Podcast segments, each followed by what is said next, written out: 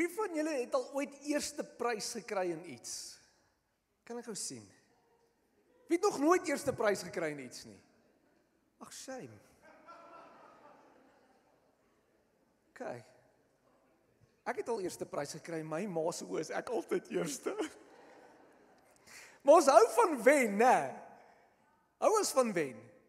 Het jy ooit gehoor iemand sê met die World Cup, "Jesus, ek hoop Suid-Afrika kom 10de."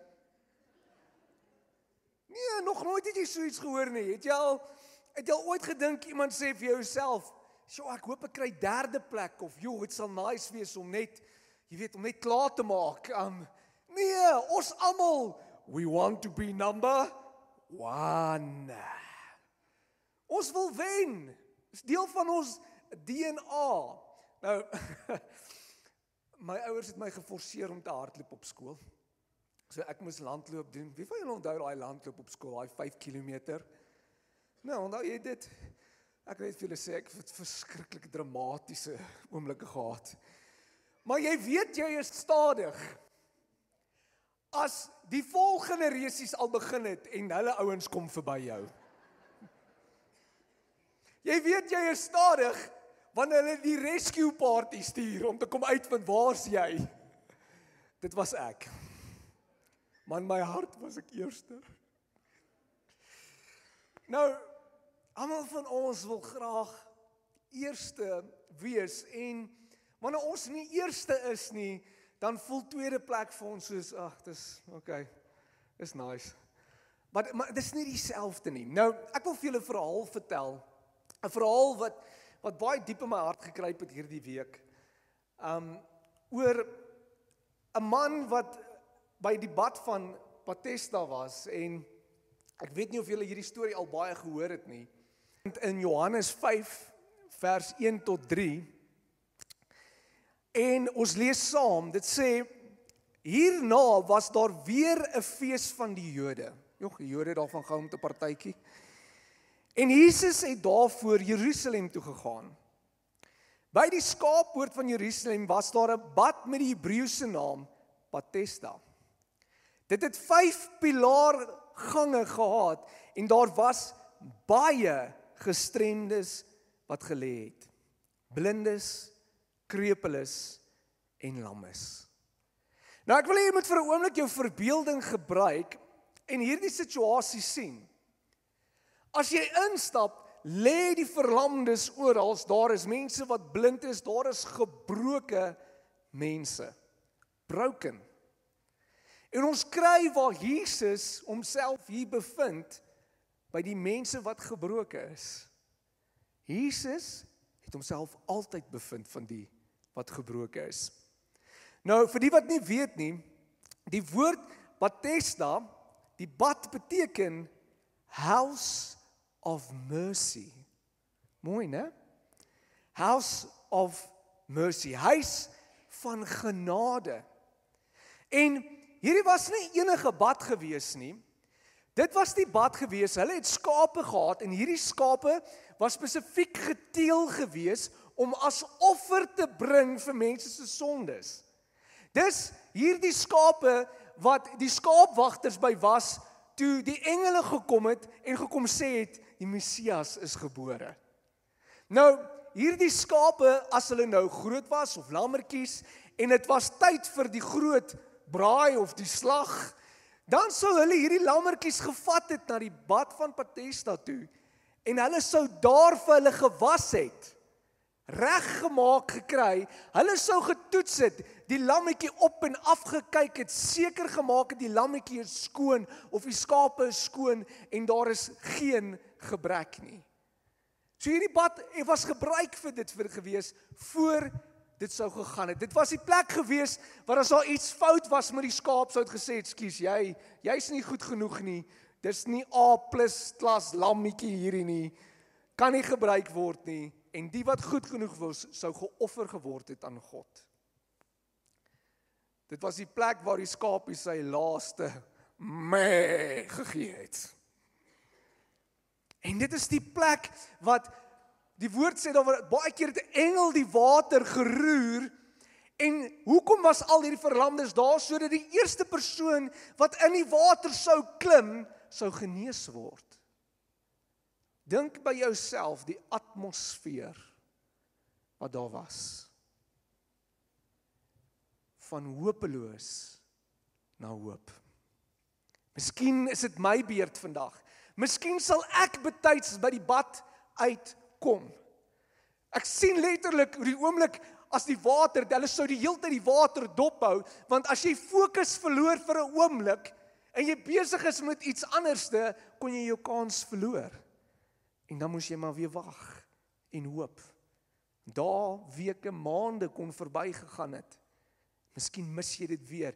En die mense wat om daai bad gelê het, was obsessief oor hierdie water gewees.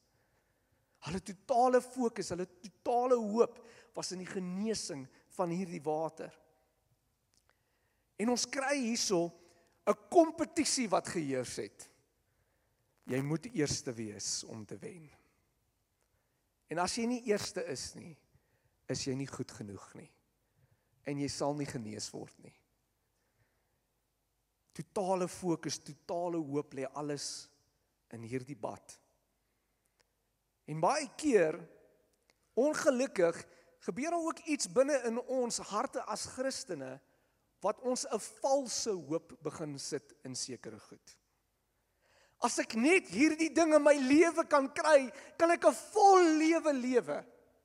As ek net hierdie werk kan kry, julle julle verstaan nie hoe erg is my baas nie.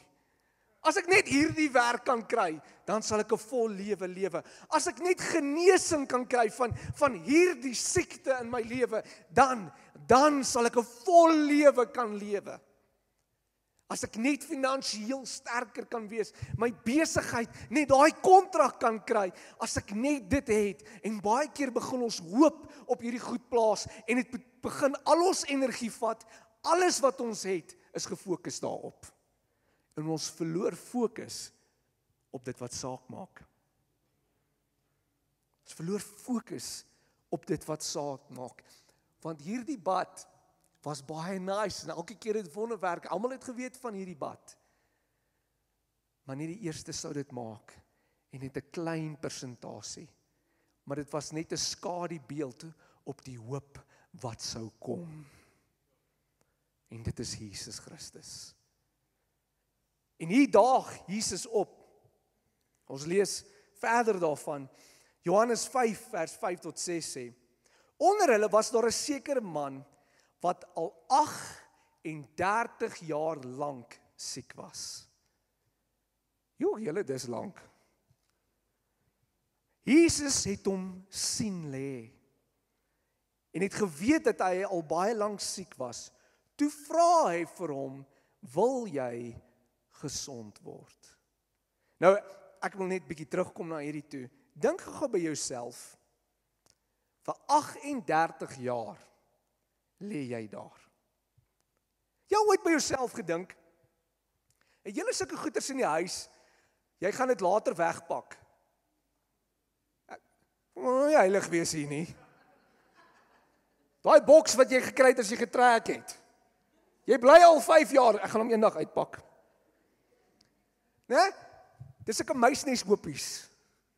OK. Nou wat gebeur as jy daai daar los vir 'n baie lang tyd? Jy sien dit nie meer nie. Is dit nie? Eendag stap jy daar verby sê vir jouself, "Wat is hierdie?" En in dieselfde manier het hierdie man geleef vir 38 jaar. Mense sien hom nie eens meer raak nie. Hy's deel van die furniture. Maar raai wat? Jesus sien hom. Jesus sien hom. En baie keer in ons eie lewens kan ons 'n gevoel hê van Jesus sien my nie meer raak nie. Here het U van my vergeet. Wie het al so gevoel? Ek het al so gevoel. Here het U van my vergeet. En ons kry waar hy alleen is, waar niemand hom wil help nie. Dink by jouself die gedagtes waarin hy homself bevind. Niemand sien hom nie. Ek wil vandag vir jou sê, Jesus sien jou. Jesus sien jou. Johannes 5 gaan die storie verder. Hoor wat sê die sieke? Die sieke het hom geantwoord: "Meneer, ek het niemand om my in die bad te sit nie. As die water beweeg in beweging kom nie. Ek ek ek kan nie daar uitkom. Hy sê en terwyl ek aansukkel, gaan niemand anders voor my in.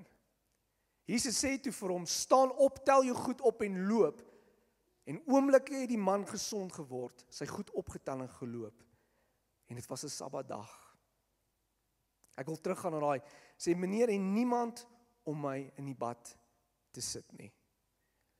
Baie van ons het ongelukkig 'n mentaliteit van om gekrippeld te wees in die gees. Ek is alleen.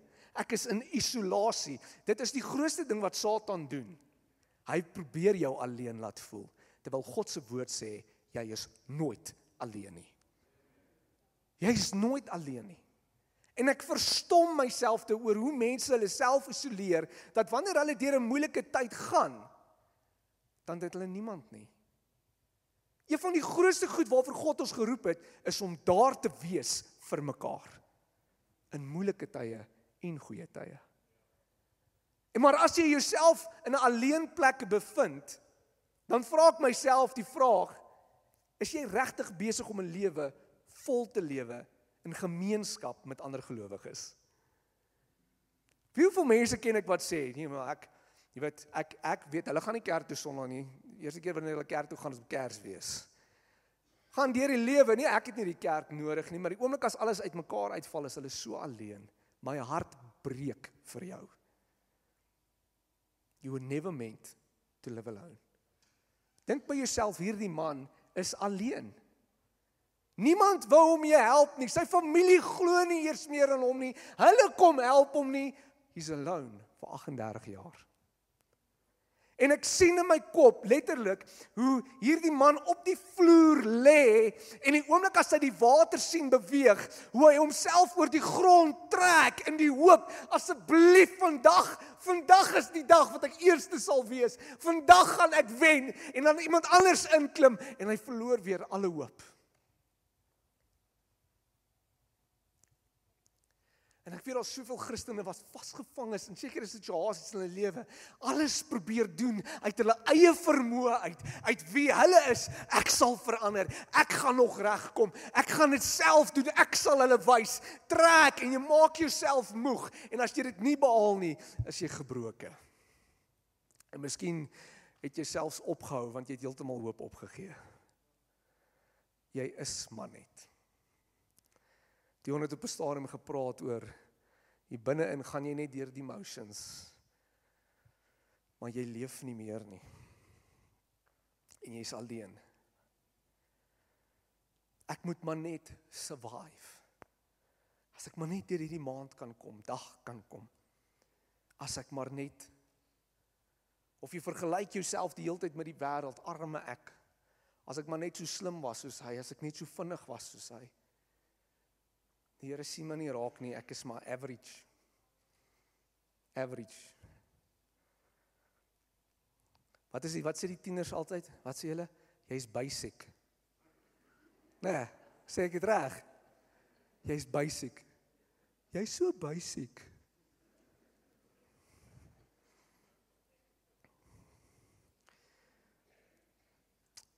Jesus vra vir hom 'n vraag. Hy sê vir hom Hy sê wil jy gesond raak? Miskien vra God vir jou in 'n ander manier vanoggend. Wil jy ophou om dieselfde foute te maak oor en oor? Vir jou ophou om in dieselfde verhoudings in te gaan wat altyd nooit uitwerk nie, want jy dink dit gaan jou gelukkig maak. Ek dink aan die vrou by die put. Sy het 5 mans gehad. Sy het altyd al geluk probeer vind in mans.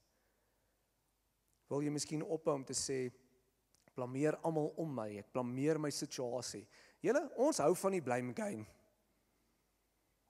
Ons hou van die blame game. As ek oorgewig is, dan sê ek nee, dis omdat my metabolisme my metabolisme is my stres. As dit nie lekker gaan in die besigheid nie, wat sê ons? Oeg, hierdie ekonomie. Sou van blame game. Hou daarvan. En ons dink baie keer ons het ons eie oplossing. Wie wat vir my verstommend is, hierdie man was so gefokus gewees op sy situasie waarin hy homself bevind, so gefokus op die bad waar hy homself bevind, dat hy nie gesien het wie met hom praat nie. Julle mense het al geweet van Jesus. Hulle het geweet van hierdie man wat mense genees. En ek sien letterlik hoe al daai krippeles lê, al daai mense lê, hulle bou die bad dop. Het jy al 'n hond gesien as jy vir hom so bal gooi? Jy het al gesien hoe maak 'n hond? Julle as jy iets wil leer van fokus, gooi 'n bal vir 'n hond. Hulle is so gefokus op hierdie dat hulle nie sien dat die koning van konings, die een wat verlossing bring van sondes, die een wat genesing bring in hulle midde staan nie. Jy's so gefokus op jou probleme en jou situasie dat jy nie kan sien dat God langs jou staan nie. En hy sê, "Wat kan ek vir jou doen?" Ons kry 'n situasie, so wat sê die man? Hy sê vir Jesus actually wat hy moet doen. As wel as jy my net kan help om in die bad te klim. Kom ek sê vandag, ons doen nog steeds dieselfde. Ons wil vir God sê wat hy moet doen om ons situasie op te los. Net daarson Johannesburg, ek weet julle benou nie eers doen dit glad nie. Ons wil vir die Here verduidelik hoe die plan moet loop. Here, ek weet U is alwetend. Ek weet U het al die mag in die wêreld.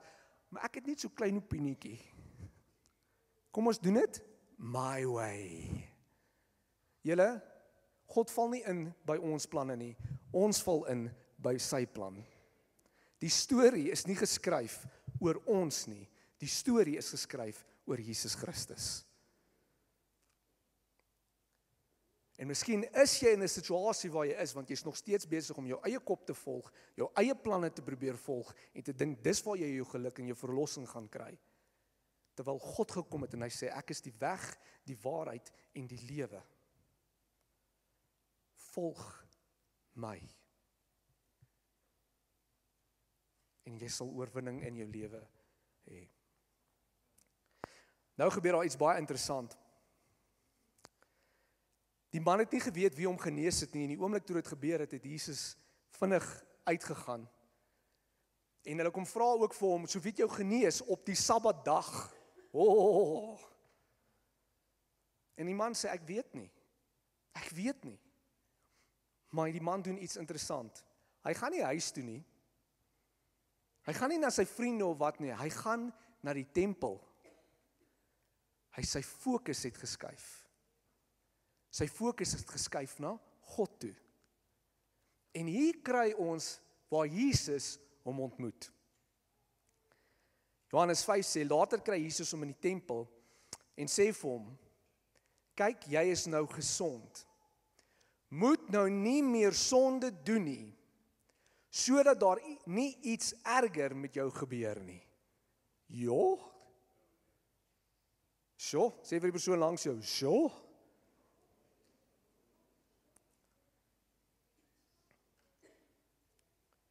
So wat Jesus eintlik vir hom sê, jy is nou genees. Jy het 'n lewensveranderende ervaring gehad. Wie van julle het al 'n lewensveranderende ervaring met God gehad? Jogg, is amazing, né? Maar dit is net 'n skaduwee op wat God vir jou beplan. Weet julle hoeveel mense ken ek wat een of ander ding in hulle lewe gehad het. Braam, die Here moet net vir my werk voorsien. Braam, kom in kerk toe. Ons staan in geloof. Ons bid saam die Here voorsien werk en dis fantasties en jy sien hulle nooit weer nie. Hoeveel mense sien ek wat genees is en binne 'n week vergeet hulle van God? Wat help dit jou? Dat jy nommer 1 is en wen in dit wat jy God voor vertrou, maar jy verloor die Here langs die pad.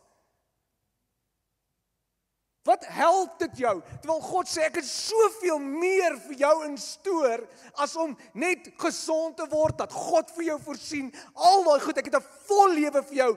Bly naby aan my. En jy sal nog groter dinge sien as dit Maar ons is regtig so skape. Ons wandel so maklik af. En ek dink die skaapwagter se hart breek. Want ons vergeet van hom so. Onthou jy wat het God vir jou gedoen? Bly naby aan hom. Want hier's die ding. Die Messias het gekom to set the captives free. Om jou vry te maak. Maar as jy gaan fokus op die verkeerde goed oor en oor, al die negatief. Ek het myself op 'n stadium gekry het my ek 'n gevangene was my eie kop. Ek is net die heeltyd besig om te fokus op die rekeninge wat ek moet betaal. Mans heeltyd gefokus gewees op die wonderwerke. Gefokus gewees op die werk van die Here. Maar dat ek langs die pad myself begin kry het dat ek vergeet het dat ek net in my Abba Vader se teenwoordigheid moet wees. Want dit is die bron van lewe.